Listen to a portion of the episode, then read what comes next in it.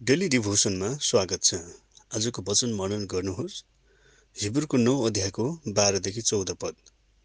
बोका र बाछाहरूको रगतले होइन तर आफ्नै रगतद्वारा अनन्त उद्धार प्राप्त गरिदिएर सधैँको निम्ति एकैपल्ट महापवित्र स्थानभित्र उहाँ प्रवेश गर्नुभयो।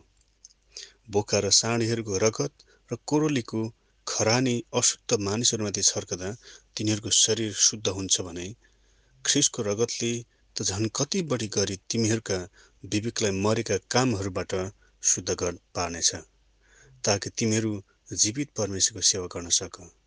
किनकि उहाँले अनन्त आत्माद्वारा आफैले निष्खोट बलिको रूपमा परमेश्वरलाई अर्पण गर्नुभयो। पुरानो करारमा पुजारीहरूले जनावरको रगतले मानिसको पाप क्षमाको निम्ति हरेक वर्ष महापवित्र स्थानमा प्रवेश गरेर प्राश्चित गर्थे। तर यो अस्थायी हुन्थ्यो। यसुले आफ्नै रगतले मानिसको निम्ति प्राश्चित गर्नुभयो र सधैँको निम्ति स्वर्गीय महापवित्र स्थानमा प्रवेश गर्नुभयो। जनावरको रगतले केही समयको लागि मान्छेलाई शारीरिक रूपमा शुद्ध गर्थे तर यशुको रगतले भने सधैँको निम्ति शुद्ध गर्दछ। यशुको रगत एक पवित्र छ दुई शुद्ध छ तिन शक्तिशाली छ। यसकारण यसले हाम्रो शरीर मात्र होइन विवेक र चेतनालाई समेत पुरा शुद्ध बनाउन सक्छ।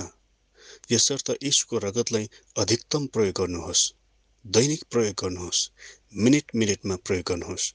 यशुको रगतले तपाईँलाई पाप क्षमा र विजय दिइसकेको छ। आमेन।